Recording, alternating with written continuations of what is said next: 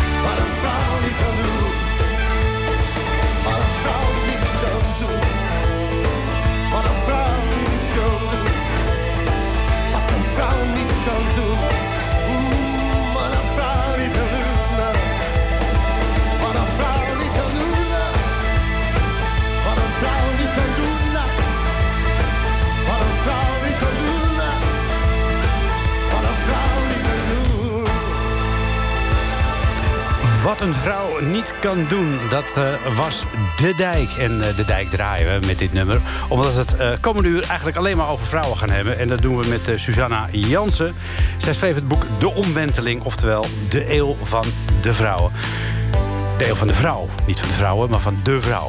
In het algemeen. Ja, ik ga je microfoon ook openzetten hoor, dat beloof ik, dat doe ik nu. Welkom, Susanna. Eh, ja, jouw boek. Het is niet je eerste boek. De hoeveelste is het inmiddels? Ehm, ja, dat vind ik altijd ingewikkeld, want tel je de dunnetjes ook mee? Tuurlijk. Dan, dan de vijfde. Kijk, vertel jij de dunnetjes dan niet mee? Eh, soms wel, soms niet. Oh, oké. Soms wel, soms niet. Wanneer wel, wanneer niet? Ga ik vraag, blijf doorvragen. Ja, dat, dat, dat is eh, volstrekt willekeurig. Oh, dat is volstrekt willekeurig. Oké. Jij maakte in ieder geval enorme eh, furoren met, met, mag ik wel zeggen, ja, doorbraak, het Pauperparadijs. Eh, dat was een geweldig, niet alleen een geweldig boek, maar het had ook een geweldige spin-off. Want er werden allerlei dingen meegemaakt. Behalve het boek kwam er ook zelfs een, een, een heel stuk in Veenhuizen werd dat gespeeld. Het, het, het, het was een, een fantastische spin-off. Verraste je dat, dat moment? Eh, natuurlijk, want toen ik het Pauperparadijs aan het schrijven was... dat was mijn debuut, hè. Ik had nog nooit een boek geschreven. Ik vond het ook hondsmoeilijk. Ik dacht dat het daarna makkelijker zou worden. Dat is ook niet waar. Ehm, maar ik, ik... Dat klinkt achteraf gezien heel... ehm, ja, bijna ongeloofwaardig. Maar ik was als de dood dat niemand het zou gaan lezen. Oh, waarom? Dacht je dat de- Nou, de omdat- inhoud niet zo interessant Omdat was? de meeste debuten niet gelezen worden. Is dat zo? Ja. Of Oh. bijna niet gelezen worden. Dus En- je en- bent en- ja, en- blij als je 3000 exemplaren verkoopt. En maar ik zit nu aan de 300.000. Kijk, dus daar kun je van leven bijna. Dat kon ik een tijdje, maar het is wel, dat boek is al bijna 15 jaar oud. Hè? Daar kun je niet 15 jaar Ja, van dat, leven. dat ga je niet volhouden. Je moet af en toe wat nieuws maken. Precies. Eh, toen je het boek had geschreven, toen was het klaar. Je kreeg dat succes ermee. Het was voor een debuut dus inderdaad een, eh, een enorm succes. Eh, dan hoor je ook heel vaak eh, zeggen... dan val je in een soort zwart gat en dreigt het writersblok. Want die tweede, ja, voldoet daar maar eens aan al die verwachtingen. Ja, de grap was dat ik absoluut niet van plan was om er nog een te schrijven. Want ik vond het zo zwaar. Ik dacht, ja, echt niet. Ehm, ik, ik herinner me dat, dat dat boek was net af. En dat mensen echt, het was pas een maand af of zo, aan me vroegen: en waar gaat je volgende boek over? En ik dacht alleen maar: hè? Wordt er nou echt van me verwacht dat ik het nog een keer doe? Ik vond het echt heel zwaar om te doen. En het heeft heel lang geduurd voor ik weer een nieuw boek heb geschreven. Ehm, maar ik viel niet in een zwart gat, want ik was ook nu niet. Ik, ik, als een boek af is, ben ik gewoon ontzettend opgelucht en blij. Dan is die enorme last van me af. En het hele mooie van het Pauperparadijs, en dat gebeurt nu weer, waar ik heel blij mee ben, is dat ik veel lezingen mag geven. En dat is iets wat ik ja, leuker vind dan schrijven. Is dat zo? Ja. Ja? Dus je bent meer een verteller dan een schrijver. Of schrijfster, moet ik zeggen. Dat, eh, ik noem mezelf schrijfster. Ja, wat jij zegt moet je zelf weten, maar dat is mijn woordkeuze. Ehm, ik vind vertellen. Ik vind schrijven moeilijker. Ja. Laat ik het zo zeggen. Eenzamer. En ik. Hm. Bij vertellen heb je mensen voor je. Dat vind ik leuker. Ja, en wat natuurlijk ook, het, eh, tenminste vind ik zelf altijd het voordeel is... want ik praat ook makkelijker dan dat ik schrijf. Je kunt met, als je vertelt, kun je altijd weer eh, corrigeren... terwijl je eigenlijk nog aan het vertellen bent. Terwijl als je het schrijft, dan staat het er... en dan kun je er eigenlijk niks meer aan doen als het gedrukt is. Als het gedrukt is niet, maar daarvoor kun je er heel veel aan doen. Dus dat vind ik wel weer fijn. Ik ben wel veel preciezer in mijn taal als ik schrijf. Dan ben je echt een schrapper, dat je met, zeg maar, met 1500 pagina's begint... en dan uiteindelijk met 300 overblijft. Nou, 1500 is te veel. Maar ik heb wel echt. Eh, toen de drukproeven klaar waren, dus dan hoor je echt alleen nog maar te checken of er fouten in zitten, heb ik nog zeker 300 dingen herschreven. Ik heb nog passages toegevoegd zelfs. Ik heb heel veel geschrapt. Oké. Eh, dus ik, ik, ik schrijf wel eerst eh, alles waarvan ik niet zeker weet of het erin moet, schrijf ik het Ja. toch maar in. Ja, en je, jij hebt een bepaalde stijl van schrijven, want je verbruik- eh, gebruikt ook heel veel eigen ervaringen en uit je eigen familie ook erin. Betekent het dat jouw research radar altijd aanstaat Ehm, binnen de familie? Nee, sterker nog, ehm, ja, ik, ik wek natuurlijk de indruk, eh, zeker met dit boek ook, dat ik zo graag over mijn familie schrijf. Eh, daar is het me eigenlijk nooit om te doen. Hmm. Ik, ik, het gaat me om het onderwerp. Dus bij het Pauperparadijs ging het me. Ik kwam wel via mijn familieonderzoek op het, op het onderwerp. Maar het ging me om hoe gaan we eigenlijk om met mensen die, eh, die niet rondkomen. En hoe doen- hebben we dat de afgelopen 200 jaar gedaan? Maar dan daar kun je een heel droog boek over schrijven. Maar ik wilde het vertellen over mensen. En ja, in eerste instantie had ik niet eens door dat mijn familie daar hoofdpersonen in konden zijn.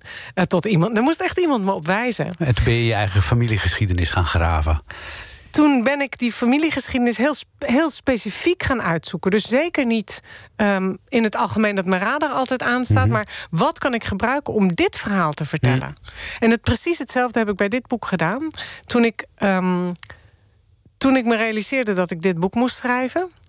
toen realiseerde ik me ook dat de beste vorm was via mijn moeder. Hmm.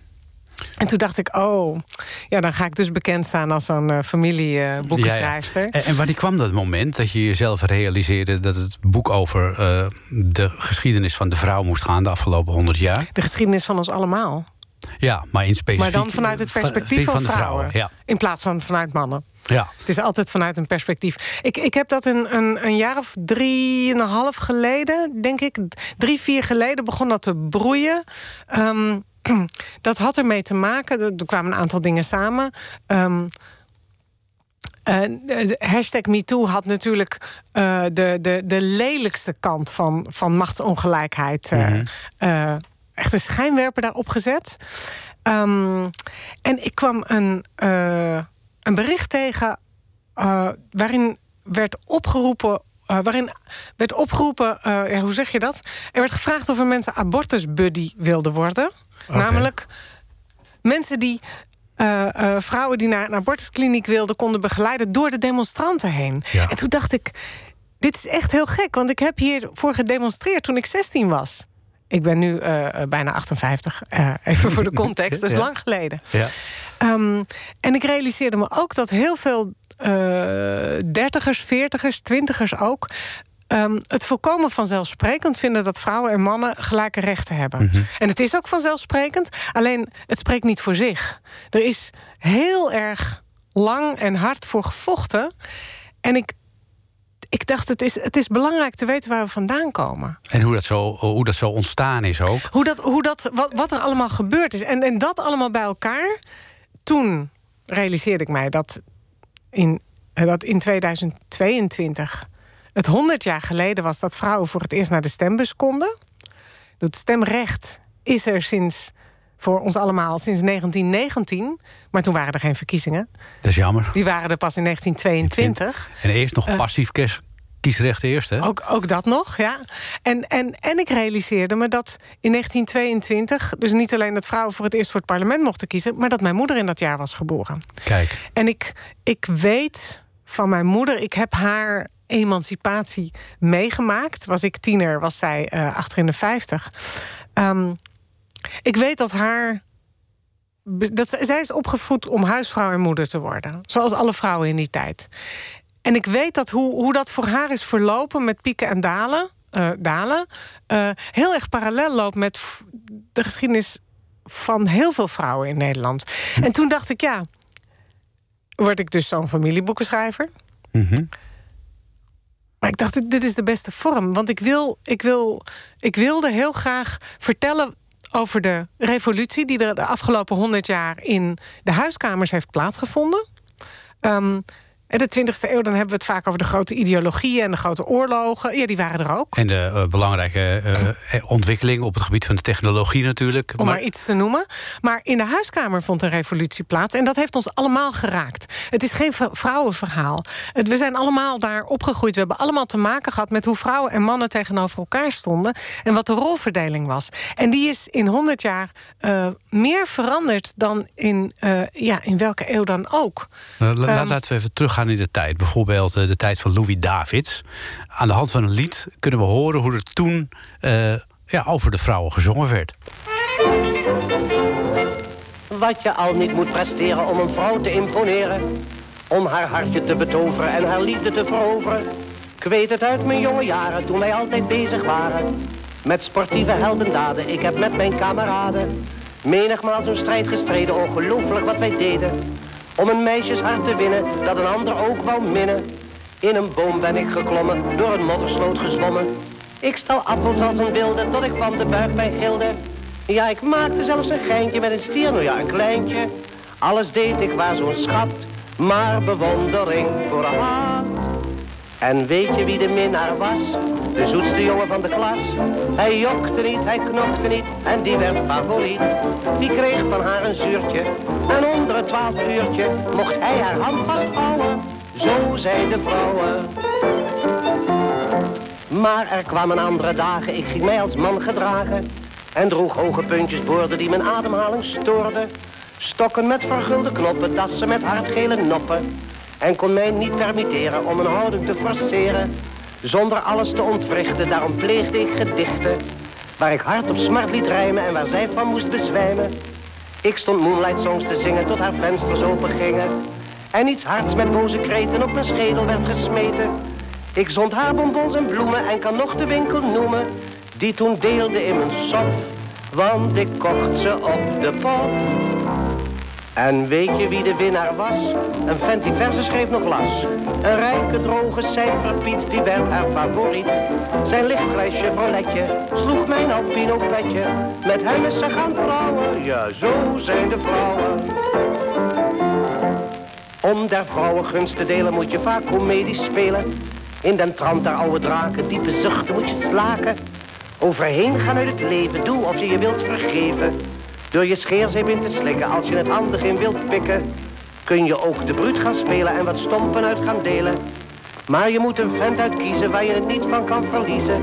Zeg iets van haar mooie ogen, al is het ook straalgelogen.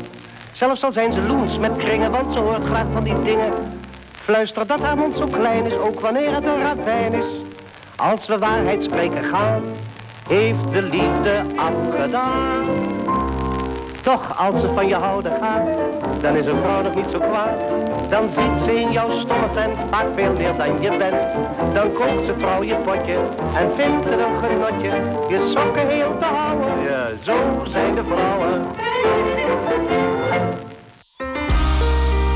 Tekst en uitleg.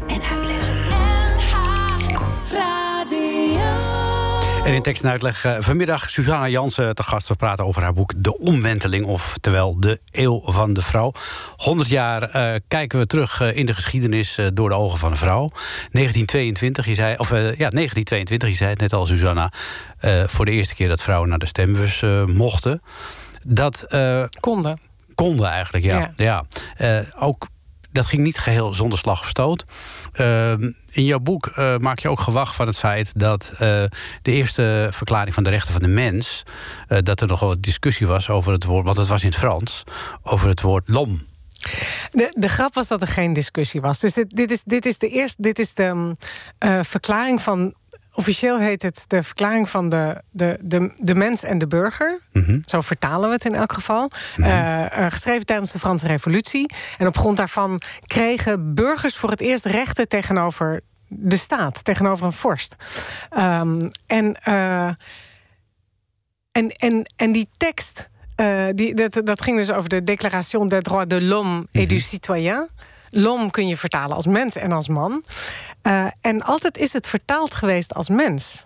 Ook in het Frans is het zo gezien. Behalve dat de regels die eruit voortkwamen alleen maar voor mannen golden. Dat is toch bizar? Want de vrijheid die er werd gepropageerd van de burger tegenover de staat, ging over de mannen tegenover de staat. De vrouwen mochten nog steeds helemaal niks. Mochten niet zelf kiezen met wie ze hm. trouwden. Hadden geen recht om hun eigen geld te beheren. Noem maar op. En in die tijd is er een, een vrouw geweest, een, een, een Franse filosoof, Olympe de Gouges die heeft twee jaar nadat deze tekst was verschenen en, en wereldwijd in de kranten verscheen, mm heeft de tekst aangepast. Hm. Gewoon met een paar woorden hier en daar gecorrigeerd, zodat het ook voor mannen en vrouwen zou gelden. Zodat vrouwen bijvoorbeeld, als je die, je hoeft alleen maar af en toe in een zin en vrouw te schrijven dat vrouwen bijvoorbeeld recht zouden hebben om alle posities te bekleden binnen, uh, binnen een land, uh, mits ze daarvoor geschikt waren. Dat ze hun eigen keuzes mochten maken enzovoort. Maar haar verklaring, um, ja, die is genegeerd. en die werd. Uh, dus de, de, de eerste verklaring stond al binnen vijf dagen vertaald in een Nederlandse krant. Ik heb het over 230 jaar geleden. Dat is best snel. De tweede verklaring werd pas 200 jaar later vertaald. Jee, en hoe is het met haar afgelopen? Met haar is het niet goed afgelopen, nee. Uh, zij heeft uh, zich uitgesproken in de Franse Revolutie... en dus ging haar kop eraf. Maar een hele belangrijke uitspraak die zij deed... die nog steeds actueel is trouwens... Um, zij, zij, schreef dat als een vrouw het recht had uh, uh, de, de guillotine te beklimmen, dus mm dat er kop eraf ging, uh, dan zou ze ook het recht moeten hebben het spreekgestoelte te beklimmen. Kijk. Ze zou zich moeten mogen uitspreken. En hoe lang, hoe lang heeft dat geduurd? Want dat vroeg ik me af, of die uh, ontwikkeling gelijk was. Uh, we hebben het nu over Frankrijk, hè? Daar, daar begon het eigenlijk allemaal. Ik, dat is wat ik als proloog gebruik. Precies, hè? Dus ja, ja. Je, je, kunt een hele andere lijn trekken hoor. Maar ik heb dit specifieke maar, maar, moment eruit getrokken. Ja, maar dat is ook een mooi moment. Maar ik vroeg me af, liepen wij in Nederland een beetje achter bij de rest van Europa in die tijd, in 1922? Of waren we, uh, zoals wij altijd ons op de borst slaan, een gidsland? Wij zijn zeker geen gidsland op het gebied van emancipatie. Hm? voor 22 kan ik de vergelijking eigenlijk niet maken. Weet ik niet, namelijk. Mhm. Maar um, Nederland is uh, uh, na de Tweede Wereldoorlog vooral doelbewust ingericht als huisvrouwenland. Dus uh, een land met, met het kostwinnermodel. Het huisvrouw plus kostwinnermodel. En, en, en, waar kwam dat vandaan, dat idee?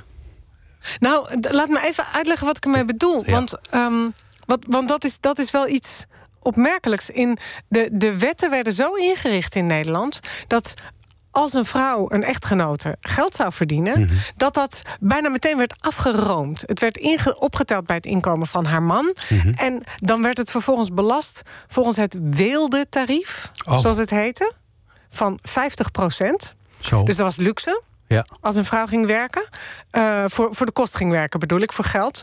Um, en er waren veel meer van dat soort regels die het uh, eigenlijk niet alleen moreel uh, niet goedkeurde dat, dat, dat Mhm. getrouwde vrouwen uh, een baan zouden hebben, maar het ook praktisch onrendabel en onmogelijk maakte. En dat is in landen om ons heen niet gebeurd. Niet dus, op die manier. Nee, de hele dus organisatie heeft... is anders geweest ook. In Frankrijk uh, uh, organiseren ze de scholen bijvoorbeeld zo... dat, dat de, de, vrouwen makkelijker konden gaan werken... omdat de kinderen langer op school waren.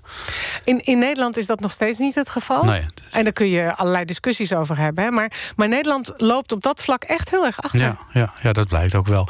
Maar uh, het was natuurlijk ook best lastig... want de, de vrouw in die tijd natuurlijk ook uh, na, de tweede, uh, na de Tweede Wereldoorlog... de enorme babyboom die er toen ontstond. Je had als vrouw ook uh, nauwelijks tijd om adem te halen... of je had alweer een kind. Ja, zo was het. ja, dat beschrijf je ook. Hoe ging dat bij jouw moeder? Nou, ik, maar, kijk, mijn moeder is, is, is net als al die vrouwen opgevoed... om huisvrouw en moeder te worden. Mhm. Mm -hmm. En zij um, was hartstikke blij dat ze op haar zestiende naar kantoor mocht. Want dat was iets... Dat, dat had een zekere glamour. Mhm. Mm -hmm. En dat was fantastisch. Dat er, daar was ook een hele grote ongelijkheid op alle arbeidsplekken, maar ook op kantoor. Dus vrouwen kregen veel minder betaald dan mannen voor hetzelfde werk, bijvoorbeeld. Um, en mannen had je in, in alle leeftijden op zo'n kantoor, hè, van 16 tot 66. Mm. En vrouwen ja, waren maximaal 5, 26, want dan gingen ze trouwen en werden ze ontslagen. Dat is een beetje wat en, ze met de vakkenvullers bij Albert Heijn nu doen, hè? Ze te oud worden, gooien ze ze eruit. Ja. Maar dit ging niet om geld. Het ging erom dat het onfatsoenlijk was om een ah. getrouwde vrouw een baan te geven. Oh, ook dat nog eens. Dat was, dat was niet netjes. Ah. Want ja, die kon leven van het geld van haar man. Dat was het idee. En mijn moeder heeft altijd met glans in haar ogen gesproken over. Um, over haar tijd op kantoor. Echt nog 40 jaar later. En toen ik het ging uitzoeken, toen kwam ik erachter... dat ze eigenlijk maar 8,5 jaar heeft gewerkt. Ja, jouw moeder heeft je ook uh, nog... En daarna ging ze... Ja, langs uh, het kantoor geleid. Hè, waar, waar ze, waar maar dat liet ze altijd zien. Als ja. we, ze, ze werkte bij Weijers, wat ooit het Ja. legendarische kraakpand was. Ja. Uh, dus dan was van, daar, daar heb ik gewerkt. En toen ze ging trouwen met mijn vader in 1948... toen ja, toen werd ze verplicht ontslagen. Vrouwen werden ontslagen op de dag nadat ze getrouwd waren. Als huwelijkscadeautje, zeg maar. En het was voor haar... Ja, het was... Iedereen wist het. Het was haar natuurlijke taak om huisvrouw en moeder te worden. En het je- was mijn vaders natuurlijke taak om hoofd van het gezin te zijn. En natuurlijk gingen ze daarin mee, want dat deed iedereen. Ja. Toch is het waanzinnig hè, dat dat kan. Dat je jezelf zo wegcijfert dat je eh, alleen maar eh, dienstbaar bent bijna. Het, het, het, het grappige is dat ik, wat ik heb geprobeerd is niet. Nou ja, ik, heb, ik kan natuurlijk mijn eigen blik van deze tijd niet weglaten. Maar ik heb wel geprobeerd vanuit die tijd te bekijken. En ik vond het heel interessant dat dat. Het, het was een daad van liefde. Hm. Als je voor je man zorgde. En voor je kinderen, dan was dat een manier om je liefde te uiten. Zoals het voor de man een manier om hun, zijn liefde te uiten was... door voor de kosten te zorgen van zijn gezin. En wij zijn daar nu totaal anders over gaan denken. En dat komt natuurlijk ook omdat er... dat heel veel vrouwen er hartstikke ongelukkig van werden. Ja, dat, ja, dat, eh, dat lijkt me eh, ja, evident dat dat gebeurt natuurlijk. Nou ja, dat, dat, dat hebben we dus pas eigenlijk in de jaren... eind jaren 60, begin jaren 70 is dat hardop gezegd. ja. Dus heel lang is dat een taboe geweest. Dus, dus vrouwen die, die ongelukkig waren omdat ze hun hersens niet meer mochten gebruiken. Omdat ze als enige gezelschap de dweil en, eh, en de vaat hadden. ehm, ja, die gingen dat niet zeggen, want dan waren ze een slechte vrouw. Ja. We gaan zo even in op jouw familie. Eh, al, die kinderen die er kwamen. eh, we gaan het verder hebben ook over je moeder. Hoe zwaar het was. En al dat soort dingen. Maar eerst een kleine kenschetsing van eh, het huisvrouwenleven door Herman van Veen. En dit is een heel raak nummer. Het is, ik heb ontzettend mijn best gedaan om de tekst van dit nummer in mijn boek te krijgen. Het is niet gelukt, want dat, dat paste niet in het verhaal. Maar dit, dit, dit schetst het eigenlijk.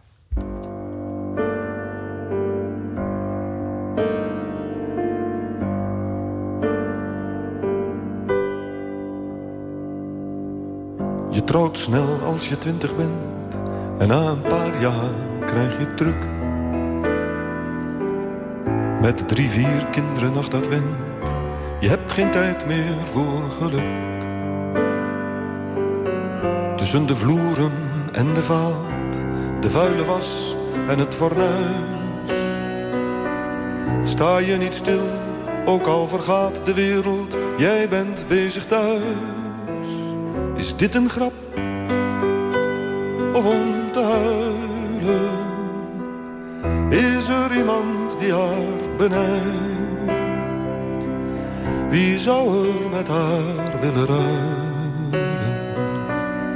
Dag in dag uit waar blijft de tijd? De koffie pruttelt op het vuur, de kinderen spelen en je man zit achter een krant als achter een muur. De dagen glijden door je hand. De kinderen zijn vandaag nog klein, maar morgen groot. Je denkt, waarom kan ik alleen maar ouder zijn? De foto van je jeugd trekt krom. Is dit een grap?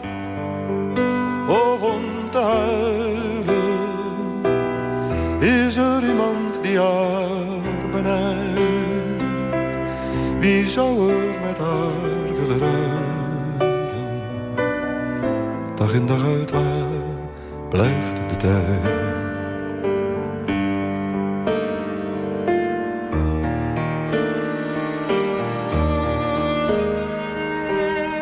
De zondag is niets dan een pak, netjes gestreken, s'avonds laat.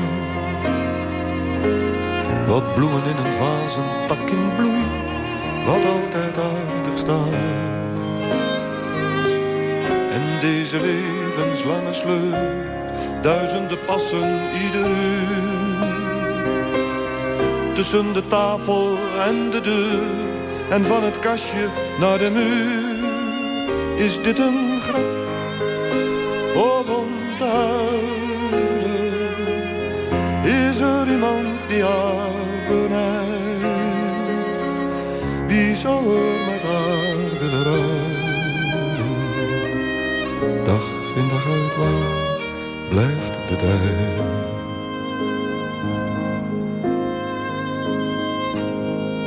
Dat ho- hoorde je die zinnen. Ehm, eh, wie, die zin vooral, wie zou er met haar willen ruilen? Ja. Die vind ik zo pijnlijk. Want zo was het natuurlijk echt. Wie zou er nou met een huisvrouw willen ruilen? En ik zou niet willen zeggen dat iedereen die huisvrouw was dat, dat stom vond. Want dat is ook niet zo. Maar het, het hele idee dat mannen konden kiezen uit alle beroepen. Ja, voor zover dat mogelijk was, hè, binnen hun, hun, hun Stand ook. bi- Binnen, precies, en binnen de kansen die ze hadden. Ehm, maar alle vrouwen van alle soorten en maten moesten allemaal dat ene leuk vinden. En, en, en, en moesten daar gelukkig mee zijn. En moesten zich daarin.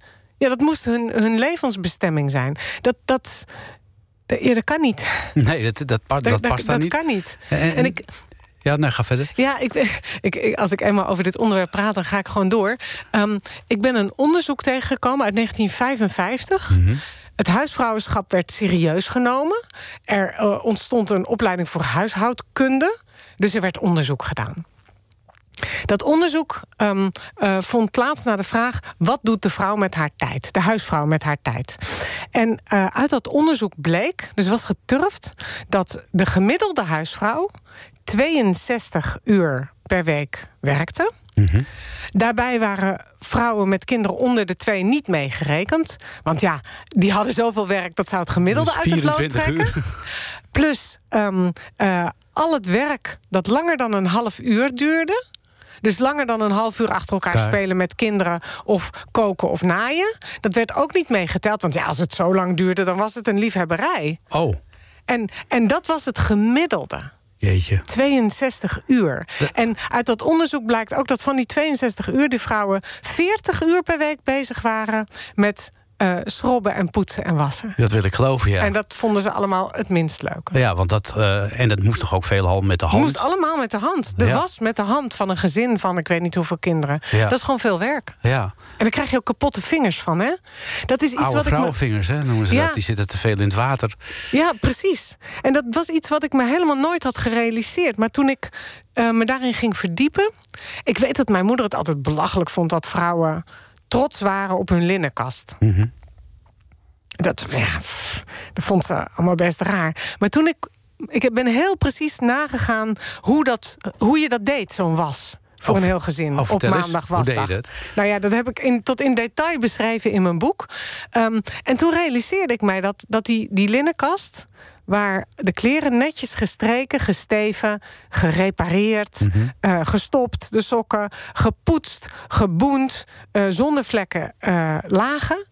Dat kostte die vrouwen, die huisvrouwen, kloven in hun vingers, kromme ruggen, pijn in hun nek, kapotte nagels. Dat, dat, dat was echt een. een ja, dat, werd, dat was een heel zwaar fysiek werk. Ja. Heeft jouw moeder ooit gedacht van ik hou ermee op? Dat, dat, dat bestond niet. Nee, maar dat ze tegen... Nou ja, Dat die- bestond niet. Ze had, Dus als je de- kinderen de- hebt, dan zorg je daarvoor. ja, dat ging vanzelf. Ja, er waren natuurlijk ook wel En vrouwen dat die... is die- nog steeds zo. Hè? Ja. Heb je kinderen, dan zorg je daarvoor. Dat, ja, is, maar dat is logisch. dat gaat vanzelf. Dat, is, dat geldt natuurlijk zowel voor mannen als voor vrouwen.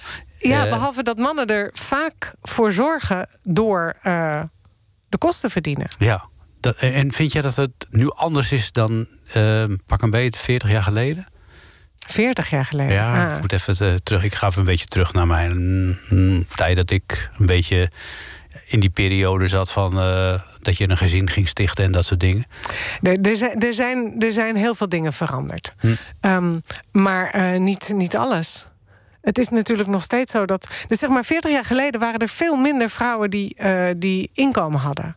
Maar nog steeds is het, ja, hou me ten goede het precieze percentage, maar ongeveer 50% als ik het goed heb, van de vrouwen verdient niet genoeg om zelfstandig van te leven. Ja. En de norm voor zelfstandig leven is een, een eenpersoons bij, eh, bijstandsuitkering. Oh, dat is niet echt eh, Dus, veel dan. dus nog steeds zijn er heel erg veel vrouwen eh, financieel afhankelijk van, van hun man. Dus eh, getrouwde vrouwen. ehm, of vrouwen met een man, anders werkt het niet zo.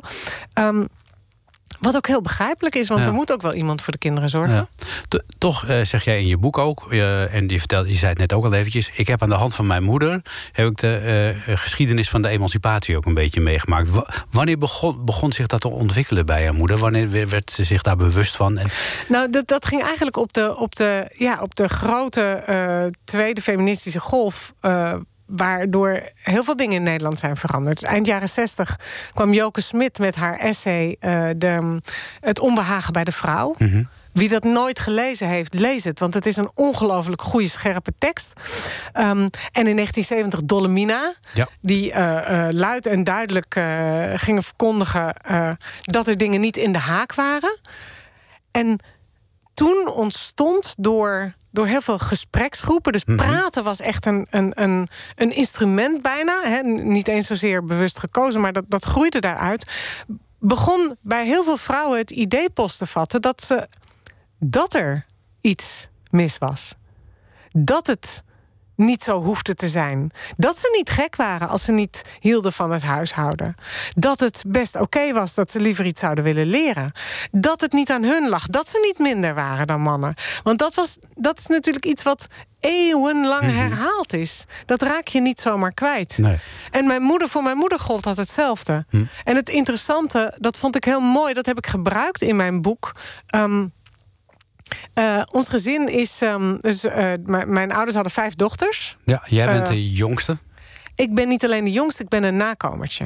Dus ik schil bijna een generatie met, mijn, met de oudste drie. Mhm. En één daarvan heb ik ook als, als een hoofdpersoon in mijn boek. gebruikt met, met haar instemming, Petra.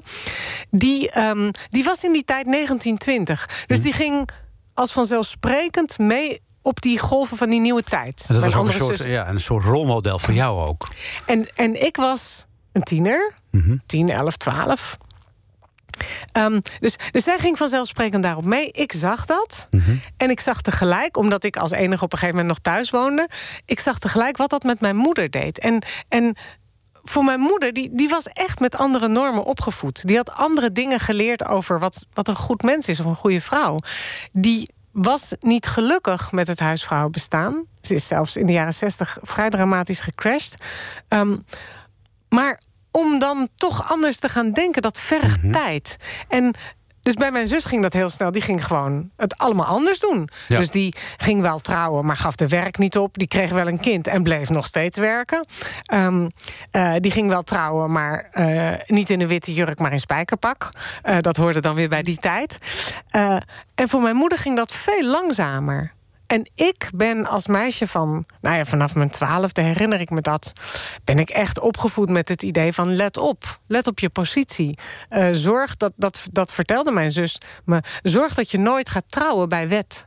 Want het heeft nog heel erg lang geduurd... dat dat voor vrouwen heel veel nadelen ja, opleverde. Absoluut, ja. En, en ik heb dus zeg maar die, die drie...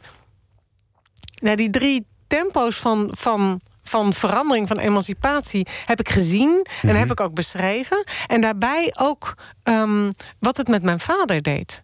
Want als er iets verandert in de positie van vrouwen, als vrouwen gaan veranderen, verandert ook van alles voor mannen. Dus het is een, het is een gezamenlijke geschiedenis. Ja, jouw vader die, die, die, die maakte wel een redelijk flexibele indruk in. Uh, in die hele ontwikkeling. Ik denk dat, dat die wel een voorbeeld is van, van hoe je kunt mee-emanciperen. Nou, mijn, mijn vader was een, ja, was een moderne man. En die, die was alleszins bereid om te, te luisteren. Maar het betekende voor hem ook wel een hele grote verandering. Ja. Op een gegeven moment, dat herinner ik me heel goed. Toen was ik, ja, ik weet niet precies hoe oud ik was, maar ik was daarbij, ik was tiener. Um, dat mijn moeder zei tegen mijn vader: Ik wil voortaan ook een, een vrije dag. En mijn vader begreep die vraag niet. Want we hebben toch elke week weekend. Bedoel, waar heb je het over? En toen zei ze: Ja, maar ik wil dat jij één dag per week kookt. Ik wil dat jij op zondag kookt. Nou, dat, dat was echt voor mijn vader best een zware dobber.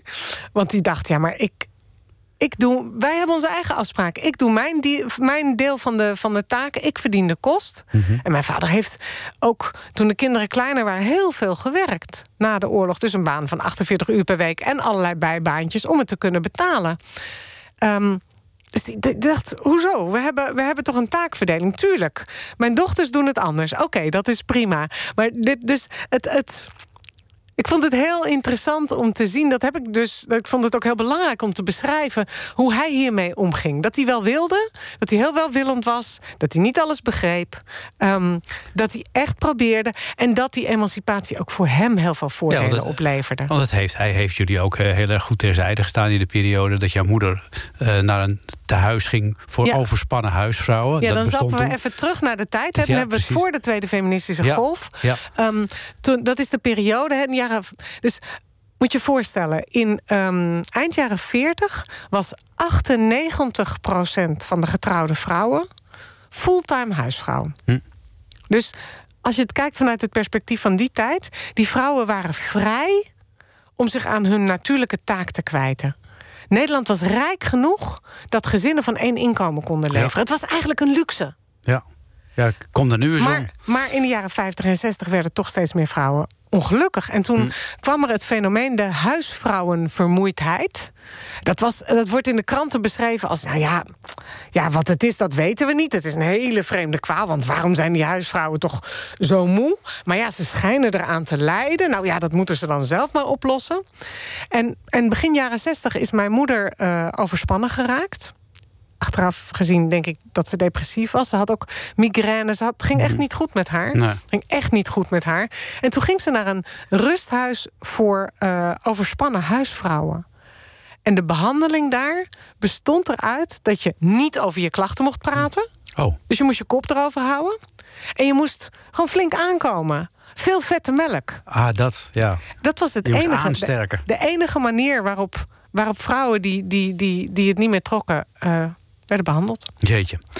We hebben eh, bij dit onderwerp heel veel liedjes bij elkaar gezocht. Althans, uh, dat hebben we geprobeerd. Ehm, de keuze uh, is in dit geval aan jou om uit dit lijstje er nog eentje te kiezen. Want ik kan die keuze wel maken. Maar wie ben ik als man om een keuze te maken? met liedjes die toch met name het vrouwenonderwerp. Nou, waar, waar, waarom zou jij daar minder over kunnen zeggen? Ja, maar mag ik er nog maar één kiezen? Bedoel je dat? Nou, misschien hebben we nog ruimte voor een tweede. Oké, nee, dan, dan, kies ik um, ja, die. Die je nu aanklikt? Die ik nu aanklik? Nou, we gaan er eerst naar luisteren. Dan, uh, dan gaan we erover Hebben we praten. Dat onderwerp Hebben we dat onder, ja, dat is wel een onderwerp wat nog, nog steeds heel erg speelt. Ja.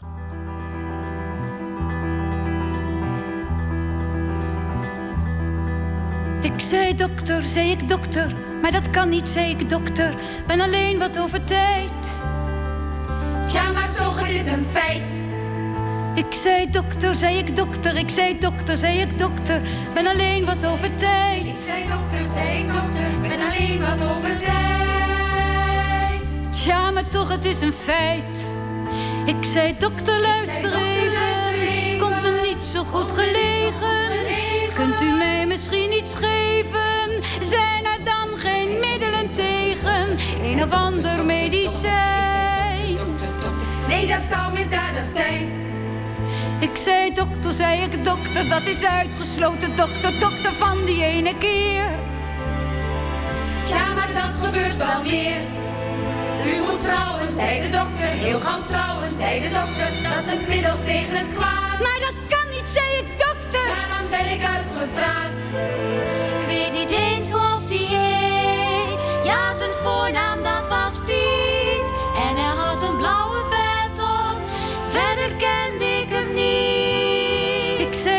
zei ik dokter, het is zo'n kleine ingreep dokter. Spijt me nee en nog eens nee. Nee, daar doe ik niet aan nee. Zo erg gaat u nou maar gauw. Dag juffrouw. Over tijd, twee woorden die je pas beseft. Op het moment dat het je treft. Over tijd, de angst en de verslagenheid en het zelfverwijt. Over tijd, de eenzaamheid, verlatenheid. Over tijd, wat dat betekent, weet een vrouw alleen. Dat hebben we dan met elkaar gemeen. Over tijd, de onwetendheid, onervarenheid. Over tijd. En daar sta je dan alleen. En daar sta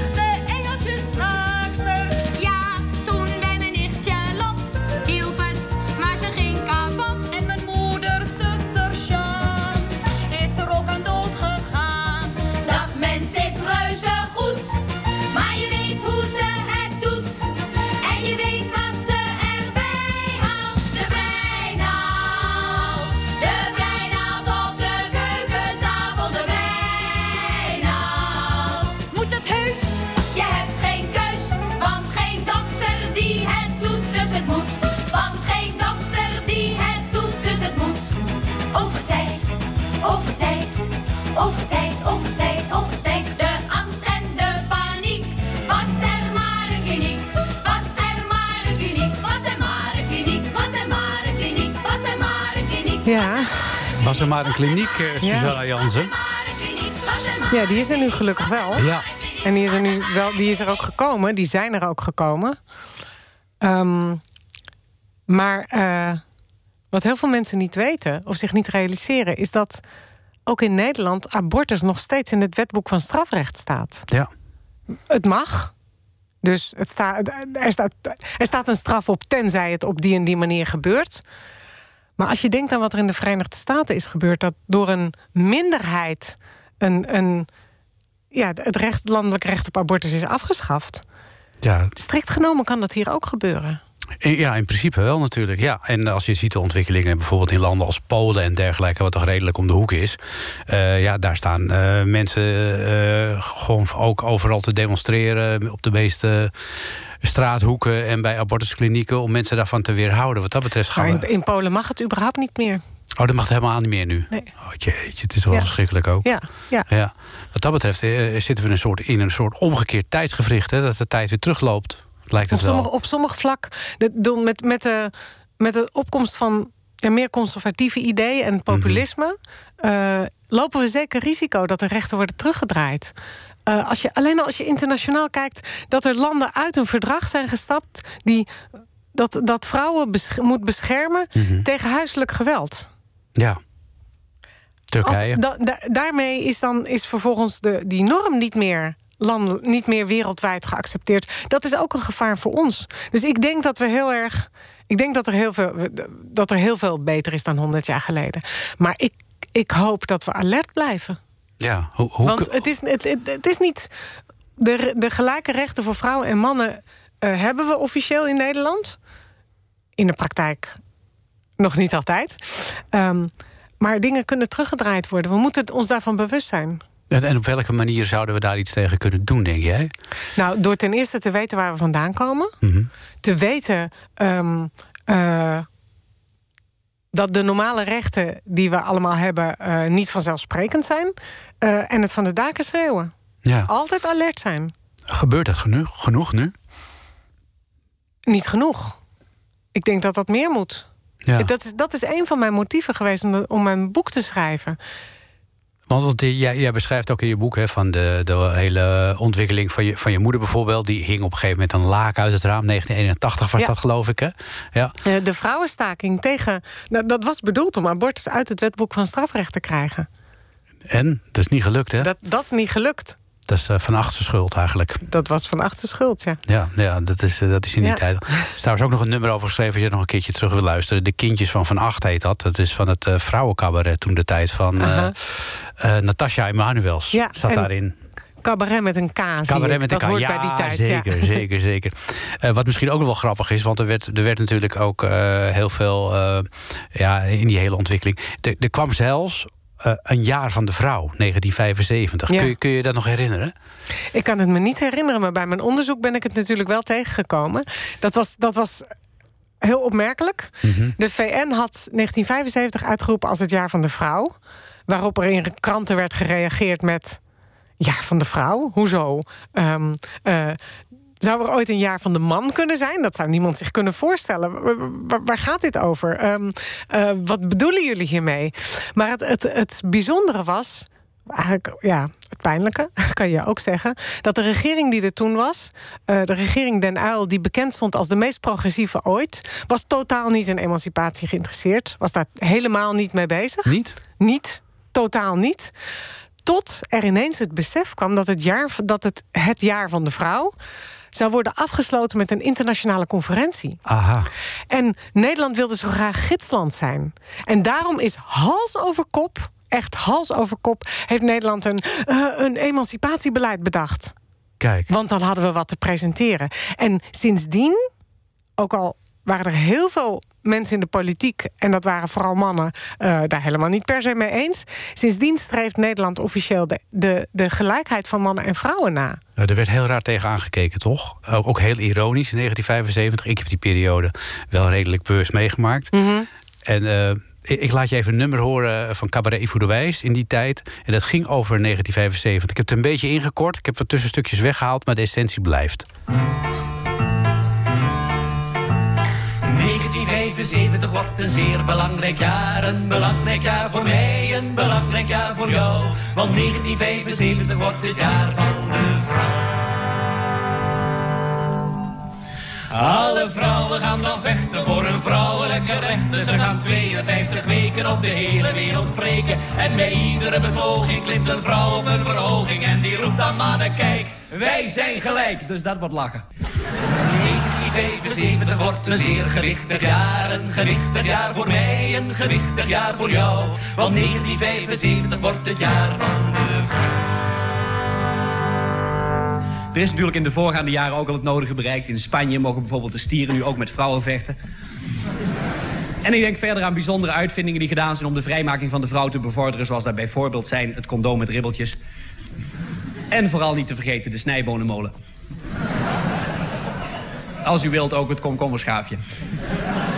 Maar in januari is dan de plechtige opening van het jaar van de vrouw. En dat zou aanvankelijk gebeuren door Prins Bernhard. Ja, ja, Prins Bernhard die gaat over die bedreigde minderheden. Maar bij nader inzien vonden we het toch niet zo geslaagd... om het jaar van de vrouw te laten openen door een man. En toen is aan prins Bernhard gevraagd of zijn vrouw het misschien zou willen doen. Dat is inmiddels toegezegd. 1 januari nu plechtige opening door de echtgenote van prins Bernhard. Aansluitend zijn er dan diners, recepties, feestelijke galatoestanden... en 5 januari beginnen de acties onmiddellijk na de afwas. Nou, ik, ik hoef niet meer te zeggen, denk ik. Eh, negen- dit was 1975 en zo werd er tegen het jaar van de vrouw aangekeken door... eh, Zo werd er tegen vrouwen aangekeken. zo werd er ook nog tegen vrouwen aangekeken Ja. in dit jaar. En in die cabaretgroep zat ook een vrouw, hè? Het, de, de- de- kennelijk vonden we dit toen grappig. Ja. ik vind het niet meer grappig. Nee, dat is te- dat, maar dat geeft ook aan hoe, hoe de tijd veranderd is. Ja. Want eh, daar hoef je nu niet meer mee aan te komen natuurlijk, met dit soort dingen. Nee, en, en, en wat, ik, wat ik heb geprobeerd te doen in mijn boek. ehm, en wat ik ook in mijn andere boeken heb gedaan, is te proberen te laten zien hoe die tijd, hoe onze gedachten veranderen. Want het is, ehm, we zijn allemaal altijd geneigd om te denken, nou gelukkig is het nu, zijn we nu eindelijk ergens uitgekomen. Precies. Maar moet je horen hoe we over tien jaar kijken naar nu? Als je dan achterom kijkt. Ja, en ik vind het, ik vind het interessant en belangrijk om, om te laten zien hoe we dachten en hoe we dan tien jaar later denken en hoe we weer tien jaar later denken. Dat leert ons iets over Nou ja, onszelf, denk ik ik. denk dat je voorlopig nog niet klaar bent met dit onderwerp. Als je, je kunt hier eh, gewoon eh, altijd over door blijven schrijven natuurlijk. Nou, dit, ik heb dit geschreven. Ja. en eh, ik wil er graag over vertellen en over praten. Maar eh, er mogen een heleboel andere mensen nog meer boeken over schrijven. Nou, dat moeten we dan maar aan andere mensen overlaten. Voorlopig moeten we het doen met jouw boek. Eh, de omwenteling of de eeuw van de vrouw, Susanna Jansen. Ik denk, ja, we kunnen uren eh, hier over dit onderwerp blijven praten. Maar de tijd zit erop, helaas. We hebben het uur prachtig volgemaakt. Ik wens je nog heel veel succes. En heel Dankjewel. veel vertelplezier met het verhaal over de omwenteling of de eeuw van de vrouw. Het is uitgegeven door Ambo Antos en ligt overal in de boekwinkel. Dankjewel. Dankjewel. Ja, gezellig. En straks eh, na zessen gaan we gezellig nog een uurtje door met eh, tekst en uitleg. En eh, ik beloof je dat ik dan ook een aantal nummers zal draaien met eh, hetzelfde thema, de vrouw.